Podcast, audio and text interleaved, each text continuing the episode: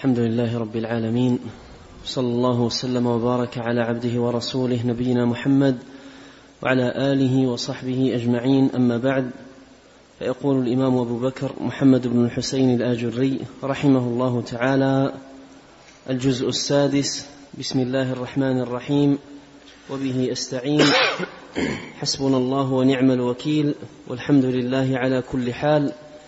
قد ذكرنا ما احتججنا به من كتاب الله تعالى ومن سنة رسول الله صلى الله عليه وسلم من الرد على القدرية. وأنا أذكر ما روي عن صحابة رسول الله صلى الله عليه وسلم ورضي الله عن الصحابة أجمعين من ردهم على القدرية على معنى الكتاب والسنة. ثم أذكر عن التابعين لهم بإحسان وعن أئمة المسلمين من ردهم على القدرية وتحذيرهم للمسلمين سوء مذاهبهم. قال رحمه الله تعالى باب ذكر ما تأدى إلينا عن أبي بكر وعمر رضي الله عنهما من ردهما على القدرية وإنكارهما عليهم. قال أخبرنا أبو بكر جعفر بن محمد الفريابي قال حدثنا قتيبة بن سعيد قال حدثنا سفيان بن عيينة عن عمرو بن دينار عمن أخبره عن عبد الله بن شداد قال قال أبو بكر الصديق الصديق رضي الله عنه إن الله تعالى خلق الخلق فجعلهم نصفين فقال لهؤلاء ادخلوا الجنة وقال لهؤلاء ادخلوا النار ولا أبالي. بسم الله الرحمن الرحيم. الحمد لله رب العالمين وأشهد أن لا إله إلا الله وحده لا شريك له وأشهد أن محمدا عبده ورسوله صلى الله وسلم عليه وعلى آله وأصحابه أجمعين. اللهم إنا نسألك علما نافعا ورزقا طيبا وعملا متقبلا اللهم علمنا ما ينفعنا وانفعنا بما علمتنا وزدنا علما وأصلح لنا شأننا كله ولا تكلنا إلى أنفسنا طرفة عين. أما بعد لا يزال الإمام الآجري محمد بن الحسين رحمه الله تعالى يواصل تنويع الأبواب في إثبات القدر. والرد على من نفاه. وعندما يقال القدرية في كتب أهل العلم المتقدمين منهم والمتأخرين فإنما يراد به من نفى القدر. فالقدرية هم النفاه الذين ينفون القدر ولا يثبتون دخول أعمال العباد وأفعالهم في تقدير الله سبحانه وتعالى. ويزعمون أنها من خلق الإنسان نفسه. ولهذا سموا مجوس هذه الأمة. وهنا رحمه الله تعالى عقد هذا الباب ذكر ما تأدى إلينا عن أبي بكر وعمر رضي الله عنهما من ردهما على القدرية وإنكارهما عليهما. لم يقصر رحمه الله تعالى هذا الباب على ما تأدى من أبي بكر وعمر بل أضاف آه، نقولات كثيرة عن غيرهما من أصحاب النبي الكريم عليه الصلاة والسلام.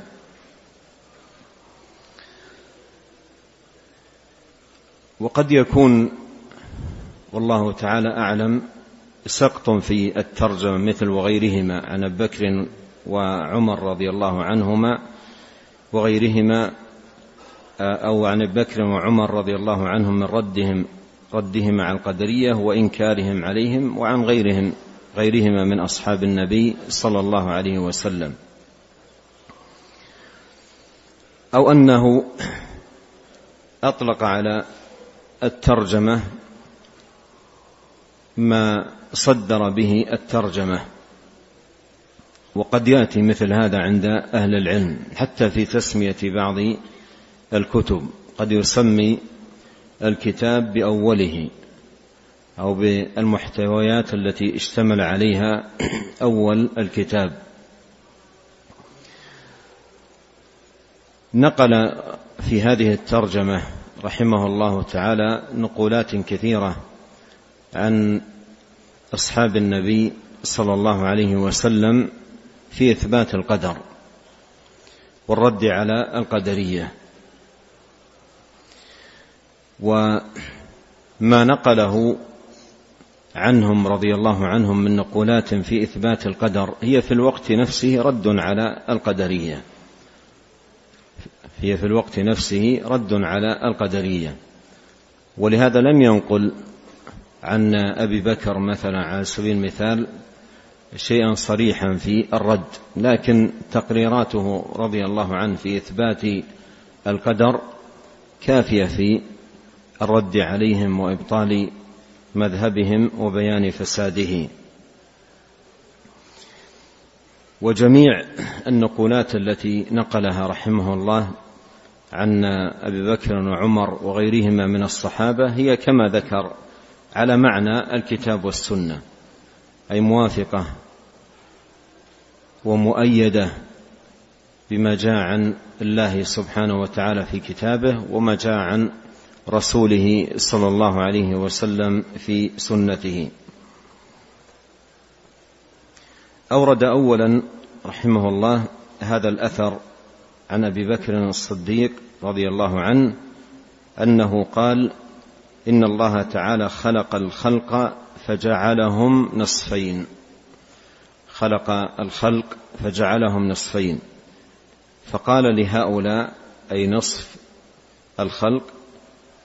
ادخلوا الجنة وقال لهؤلاء ادخلوا النار ولا أبالي. وهذا الأثر ساقه رحمه الله تعالى لأن فيه إثبات القدر السابق فيه إثبات القدر السابق وأن أهل السعادة وأهل الشقاء قد قدر ما هم صائرون إليه من سعادة أو شقاء وآيلون إليه من جنة أو نار قدر ذلك. فإن الله سبحانه وتعالى جعل الخلق نصفين وقال هؤلاء ادخلوا الجنة ولا أبالي ولهؤلاء ادخلوا النار ولا أبالي. وهذا التقدير مر معنا ذكر له في المرفوع عن النبي صلى الله عليه وسلم في الأحاديث التي ساقها رحمه الله تعالى فيما سبق أن تقدم معنا رحمه في كتابه رحمه الله مثل ما جاء من حديث عمر بن الخطاب رضي الله عنه أن النبي صلى الله عليه وسلم قال إن الله تعالى لما خلق آدم فمسح ظهره بيمينه فاستخرج ذريته فقال خلقت هؤلاء للجنة وبعمل أهل الجنة يعملون ثم مسح ظهره فاستخرج منه ذريته فقال هؤلاء للنار وبعمل أهل النار يعملون. فتقدم معنا في هذا المعنى أحاديث مرفوعة إلى النبي صلوات الله وسلامه عليه. ولهذا لما سئل شيخ الإسلام ابن تيمية رحمه الله تعالى عن هذا اللفظ الذي ورد في هذا الأثر قال هذا المعنى مشهور عن النبي صلى الله عليه وسلم من وجوه متعددة. فهو معنى ثابت وجاء في أحاديث ومن وجوه متعددة عن النبي الكريم صلوات الله وسلامه وبركاته عليه. ويعد أهل العلم هذا الذي جاء في هذا الأثر والأحاديث التي بمعناه وأشرت إلى شيء منها أنها وردت فيما تقدم عند المصنف. يعد أهل العلم ذلك تقديرا من بعد التقدير الذي في اللوح المحفوظ. لأن كما مر أيضا معنا في الأحاديث إن الله قدر مقادير الخلائق قبل أن يخلق السماوات والأرض بخمسين ألف سنة. ثم لما أوجدهم في عالم الذر سبحانه وتعالى وقال هؤلاء للجنة ولا أبالي وهؤلاء للجنة ولا أبالي وهؤلاء للنار ولا أبالي هذا أيضا تقدير آخر داخل في التقدير الأول فهو تقدير من بعد تقدير. فهو تقدير من بعد تقدير. فإذا هناك تقدير كتب في اللوح المحفوظ ووقته قبل خلق السماوات والأرض بخمسين ألف سنة.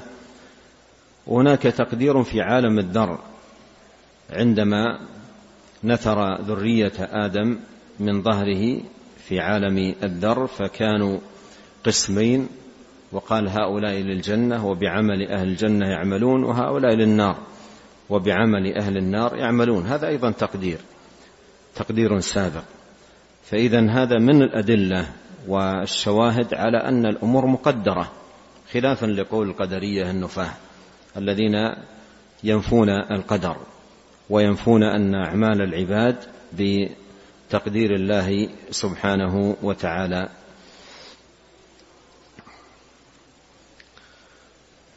والأثر له طرق أخرى غير هذا الطريق أيضا الذي ذكره المصنف آه، تنظر في كتاب الإبانة لابن بطة العكبري رحمه الله تعالى. نعم. قال رحمه الله تعالى حدثنا أبو القاسم عبد الله بن محمد بن عبد العزيز البغوي قال حدثنا داود بن رشيد قال حدثنا يحيى بن زكريا عن موسى بن عقبة عن أبي الزبير قال وعن, وعن جعفر بن محمد عن أبيه عن جابر بن عبد الله رضي الله عنهما أن النبي صلى الله عليه وسلم قال لأبي بكر رضي الله عنه يا أبا بكر إن الله تعالى لو لم يشأ أن يعصى ما خلق إبليس.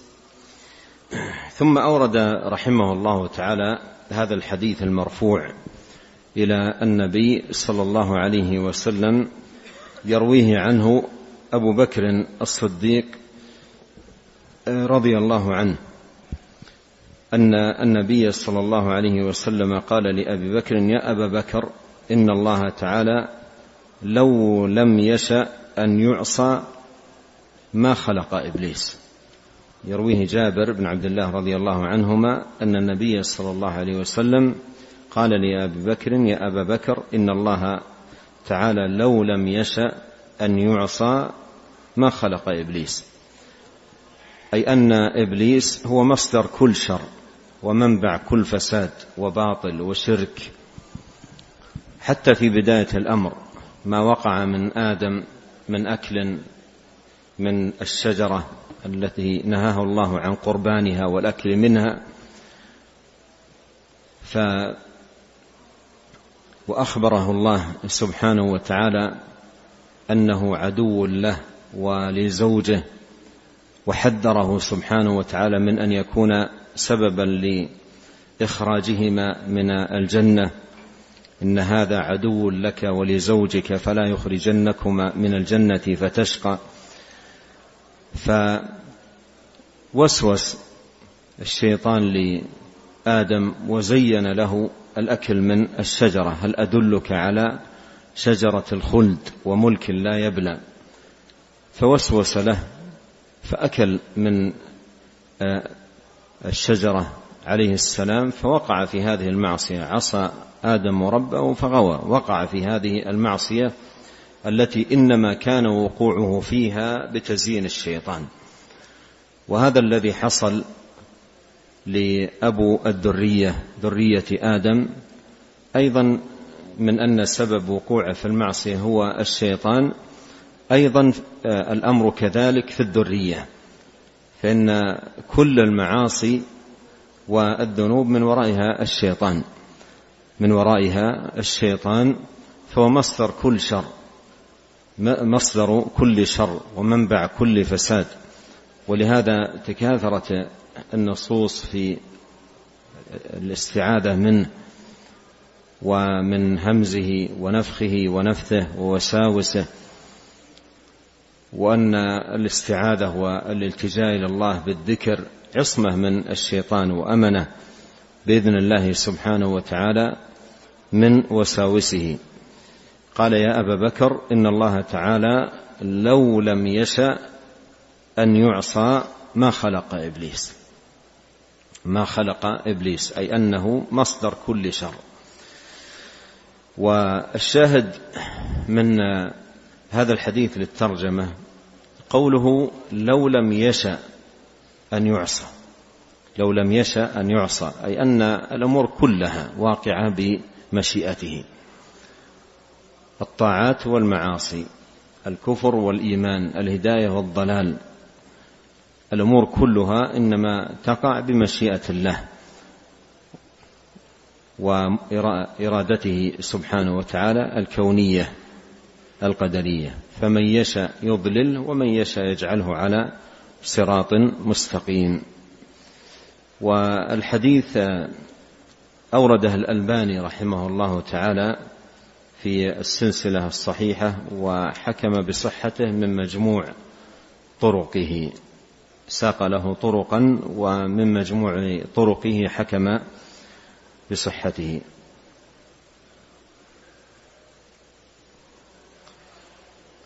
واما شيخ الإسلام ابن تيمية رحمه الله تعالى فله حكم آخر لهذا الحديث ولهذا ينظر ويتأمل. حكمه رحمه الله يقول هذا الحديث موضوع باتفاق أهل المعرفة بحديث النبي صلى الله عليه وسلم. نعم.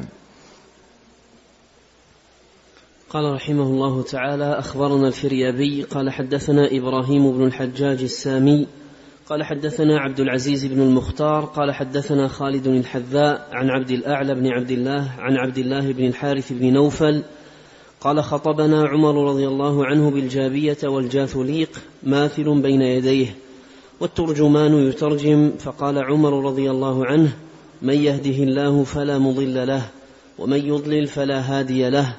فقال الجاثليق إن الله لا يضل أحدا. فقال عمر رضي الله عنه ما يقول فقال الترجمان لا شيء.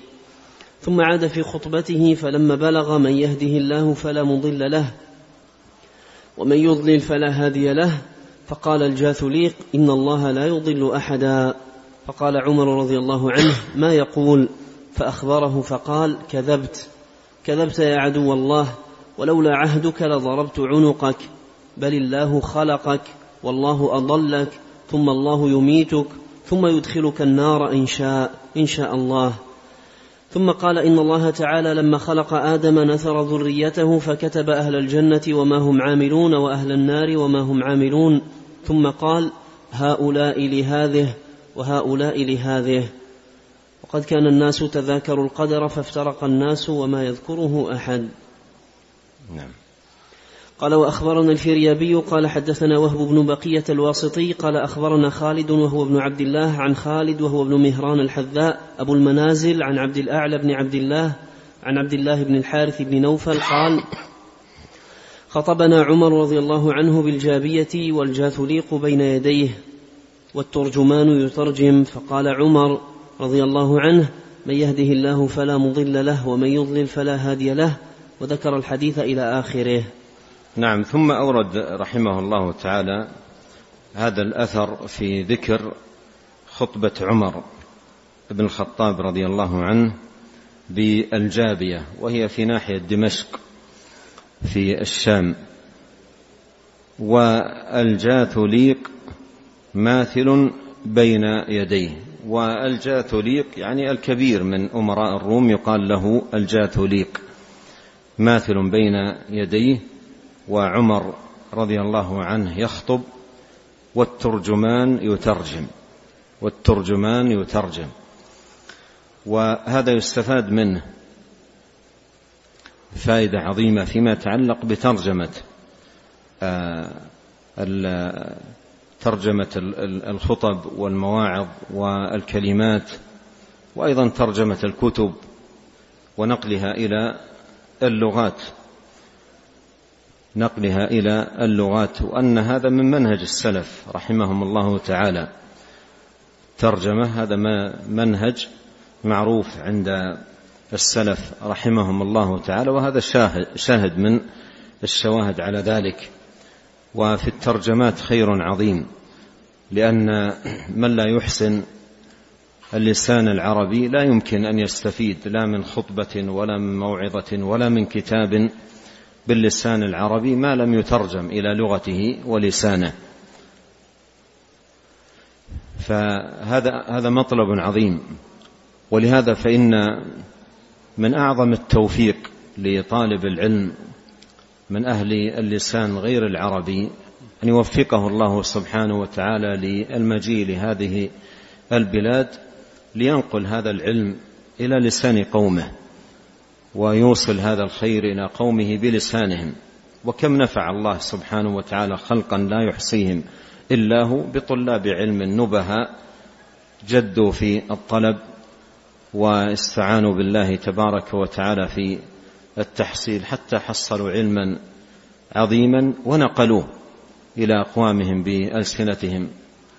نقلوه في الخطب التي يخطبونها والدروس التي يلقونها والكتب أيضا التي يترجمونها فحصل في ذلك نفع عظيم وفائدة كبيرة.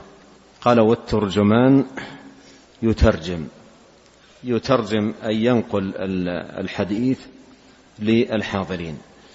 وهذا أيضا يستفاد منه. لا بد أن المجلس فيه من هم يعرفون العربية. فإذا كان المجلس فيه من يعرف العربية وفيه من لا يعرف فيناسب أن يترجم لهم. وينقل لهم الكلام آه، في المجلس نفسه لأن الذي يفيده هذا الأثر أن الترجمة كانت أثناء حديث عمر. أن الترجمة كانت أثناء حديث عمر. في أثناء الخطبة كان يعني في أثناء كلمة عمر وموعظته وخطبته كان يترجم آه، الترجمان. قال والترجمان يترجم. فقال عمر من يهده الله فلا مضل له ومن يضلل فلا هادي له. وهذا فيه استفتاحه خطبته بخطبة الحاجة. وهي خطبة عظيمة جدا. يسن استهلال الخطب بها وفيها من تقرير التوحيد وبيان أصوله وقواعده العظيمة. ومعاني الإيمان وحقائقه. فيها معاني عظيمة جدا.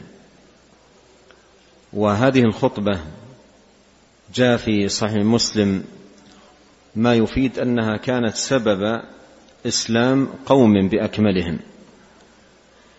كانت سبب إسلام قوم بأكملهم من أثر هذه الخطبة على سيدهم.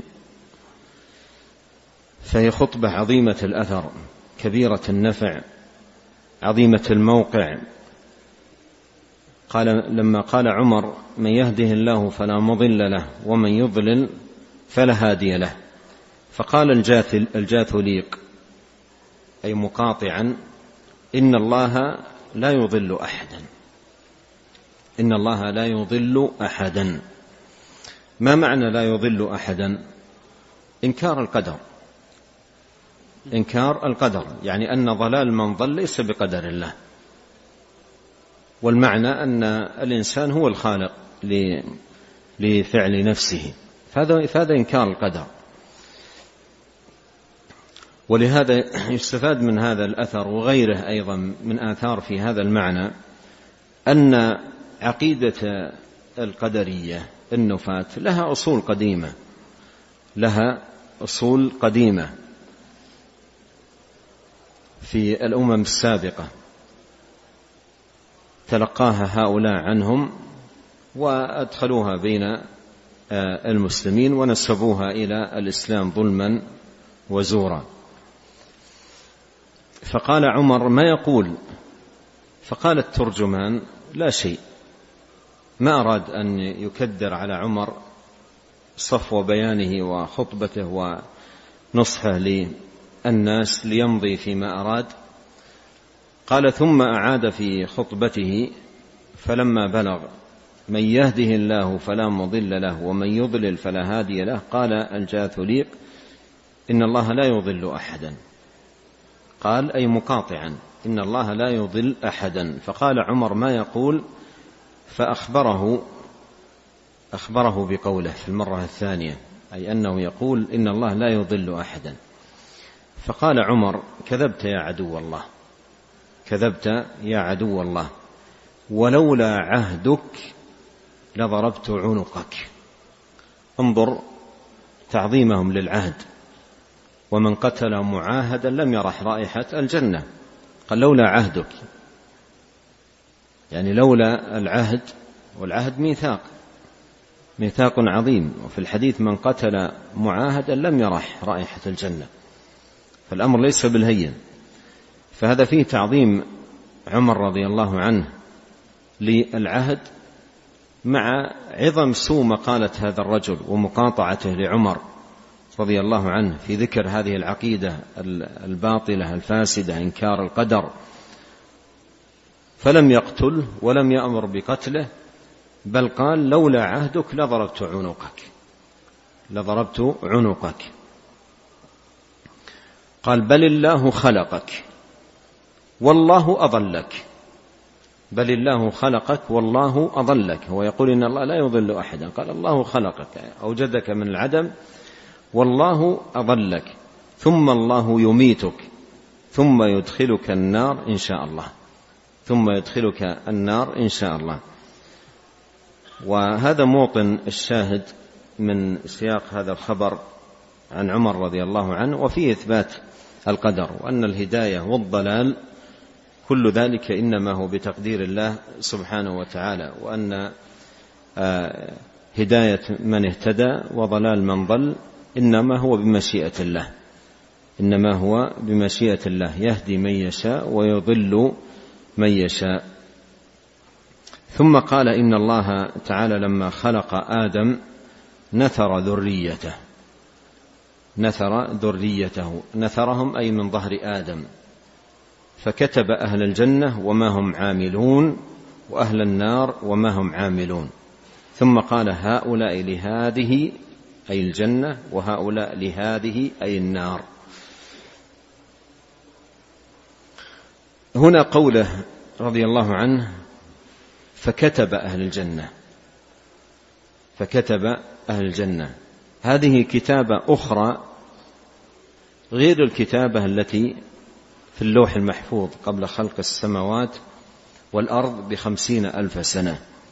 هذه كتابة أخرى غير الكتابة التي في اللوح المحفوظ قبل خلق السماوات والأرض بخمسين ألف سنة.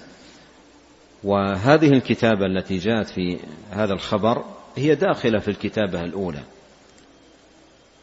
فهو كما عبر العلماء رحمهم الله تعالى تقدير من بعد تقدير.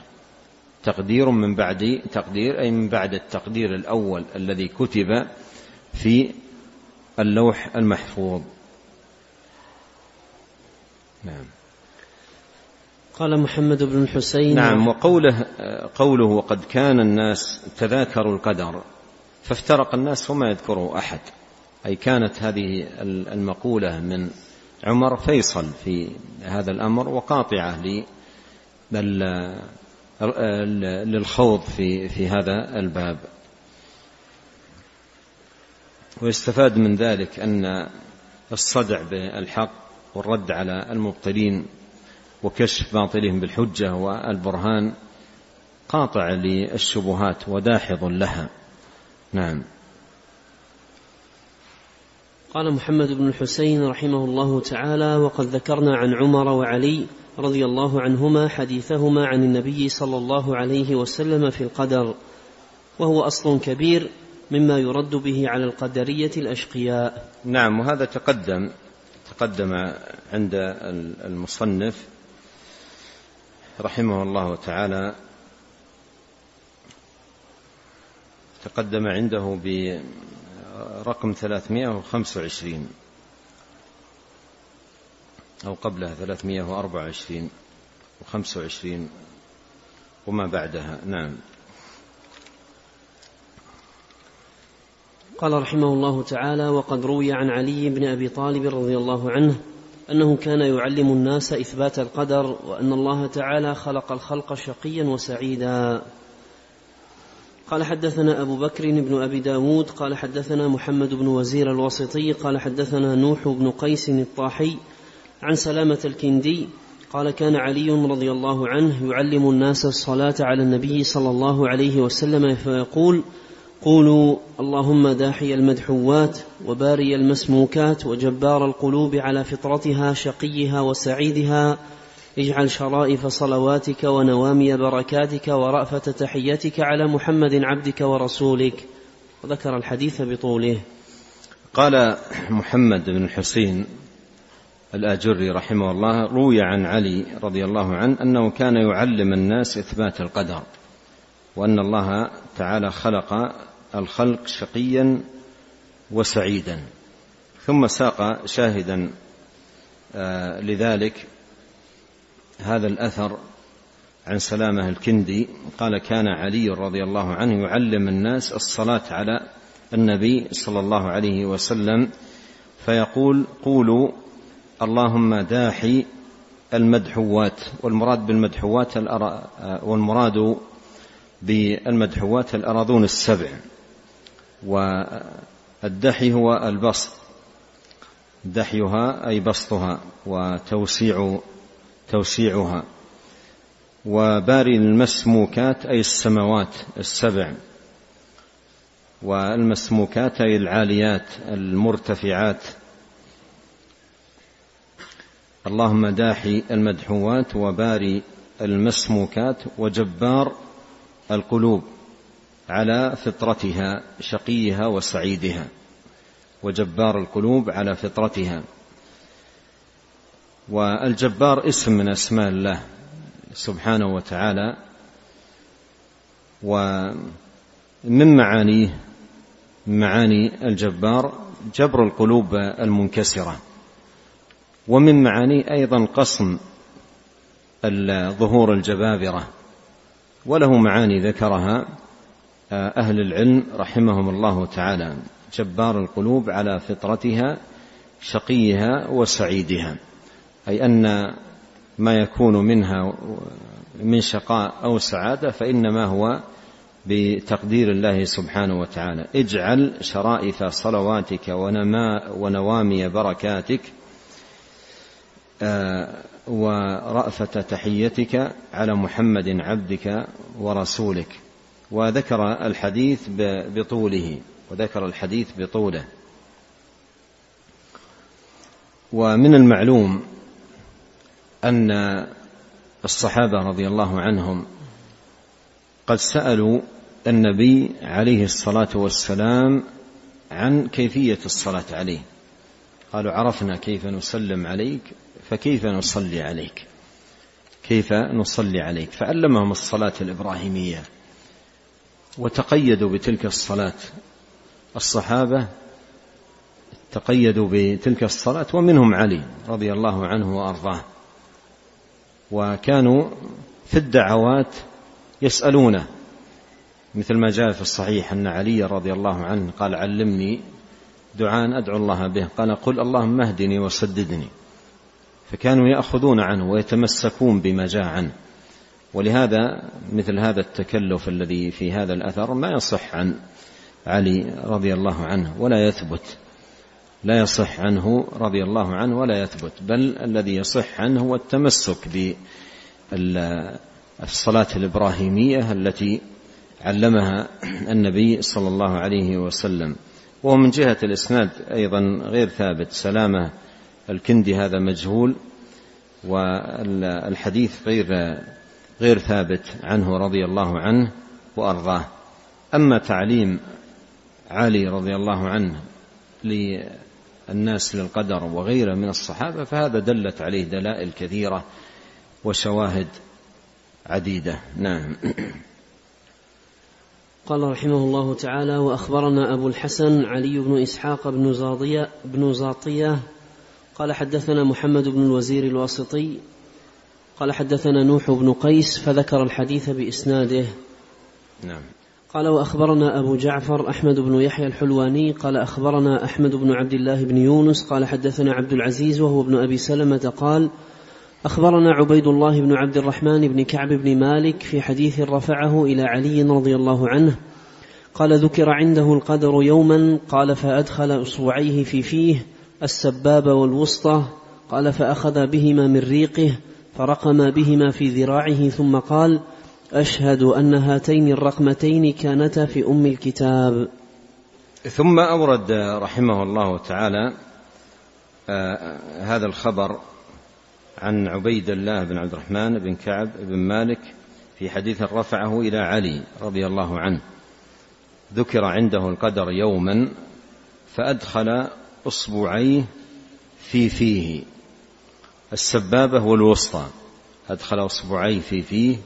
السبابة والوسطى. أي أنه بل السبابة والوسطى بريقه.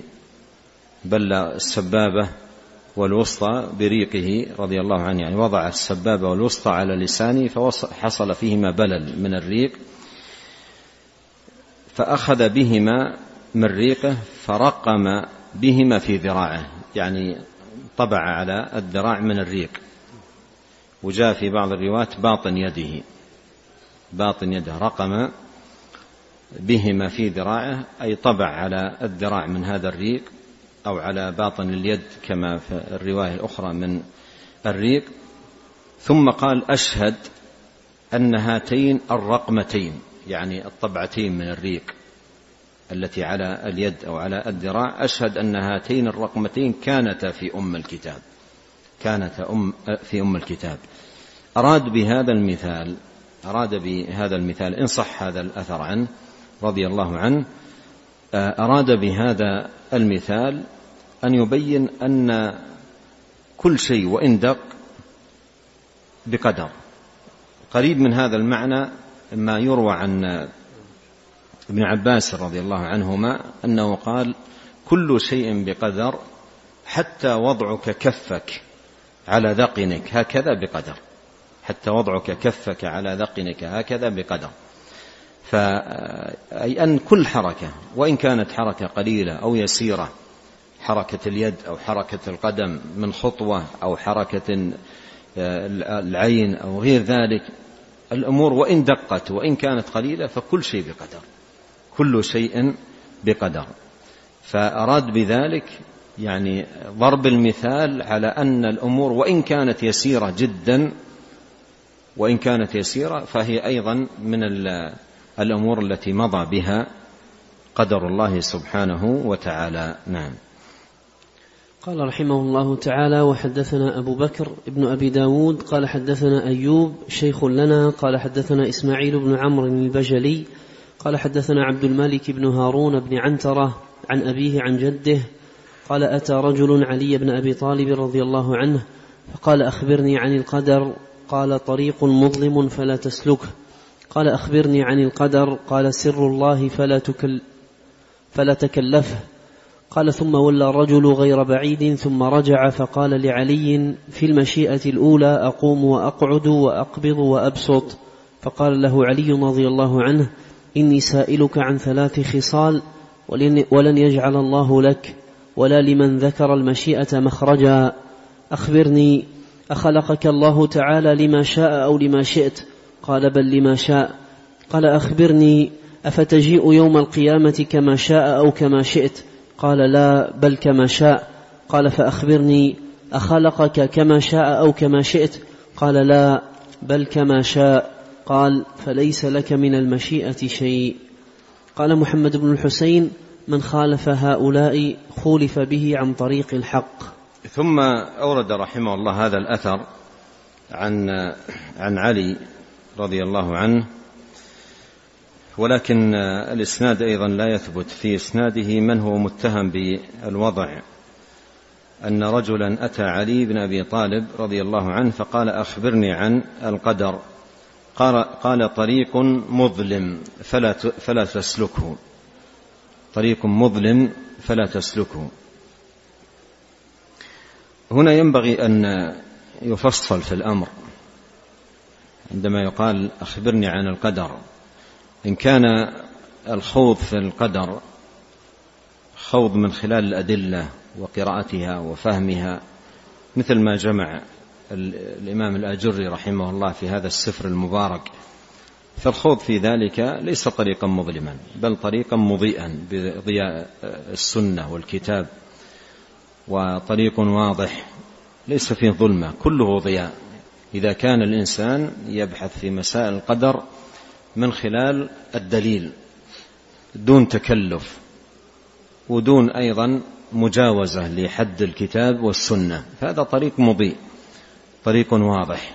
وجميع كتابات أهل العلم من أهل السنة في هذا الباب كلها ماضية على هذا الضياء فهو ليس طريقا مظلما من هذه الناحية. أما أن يخوض في القدر برأيه المجرد وفكره القاصر وعقله الضعيف فهذا الذي ينطبق عليه هذا المعنى. وينطبق عليه أيضا ما جاء في الحديث أن النبي صلى الله عليه وسلم قال إذا ذكر القدر فأمسكوا فالخوض في القدر بالرأي المجرد أو بالعقل القاصر هذا طريق مظلم طريق مظلم وطريق هلكة. قال طريق مظلم فلا تسلكوا قال أخبرني عن القدر. قال سر الله فلا تكلف يعني سر أخفاه الله عن خلقه فلا تكلف البحث عن سر الله سبحانه وتعالى. القدر سر الله. وهذا المعنى القدر سر الله يؤثر عن بعض السلف رحمهم الله تعالى. قال ثم ولى الرجل غير بعيد ثم رجع فقال لعلي في المشيئة الأولى أقوم وأقعد وأقبض وأبسط يعني هل قيامي وقعودي وبسطي وعطائي وأخذي ونحو ذلك هل هذا في المشيئة الأولى؟ يعني شيء قدره الله وشاءه. فقال له علي رضي الله عنه إني, إني سائلك عن ثلاث خصال ولن يجعل الله لك ولا لمن ذكر المشيئة مخرجا. يعني أنه فيها حجة فالجة لمن ينكر القدر. أخبرني أخلقك الله تعالى لما شاء لما شاء أو لما شئت.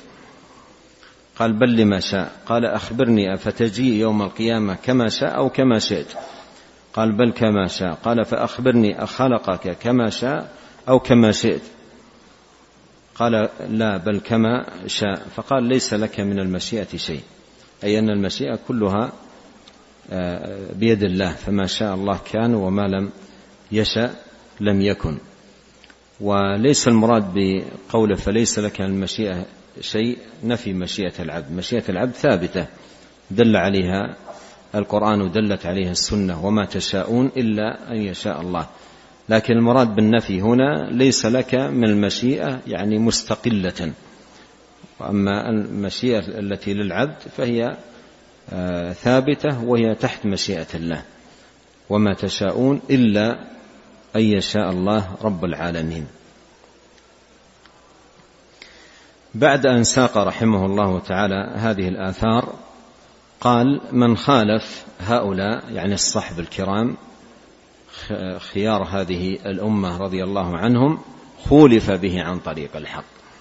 وهذا تحذير منه رضي الله عنه من مخالفة جادة الصحابة وطريقهم رضي الله عنهم وأرضاهم. نفعنا الله أجمعين بما علمنا وزادنا علما وأصلح لنا شأننا كله. وهدانا إليه صراطا مستقيما. إنه تبارك وتعالى سميع الدعاء وهو أهل الرجاء وهو حسبنا ونعم الوكيل. سبحانك اللهم وبحمدك أشهد أن لا إله إلا أنت أستغفرك وأتوب إليك. اللهم صل وسلم على عبدك ورسولك نبينا محمد وآله وصحبه. جزاكم الله خيرا.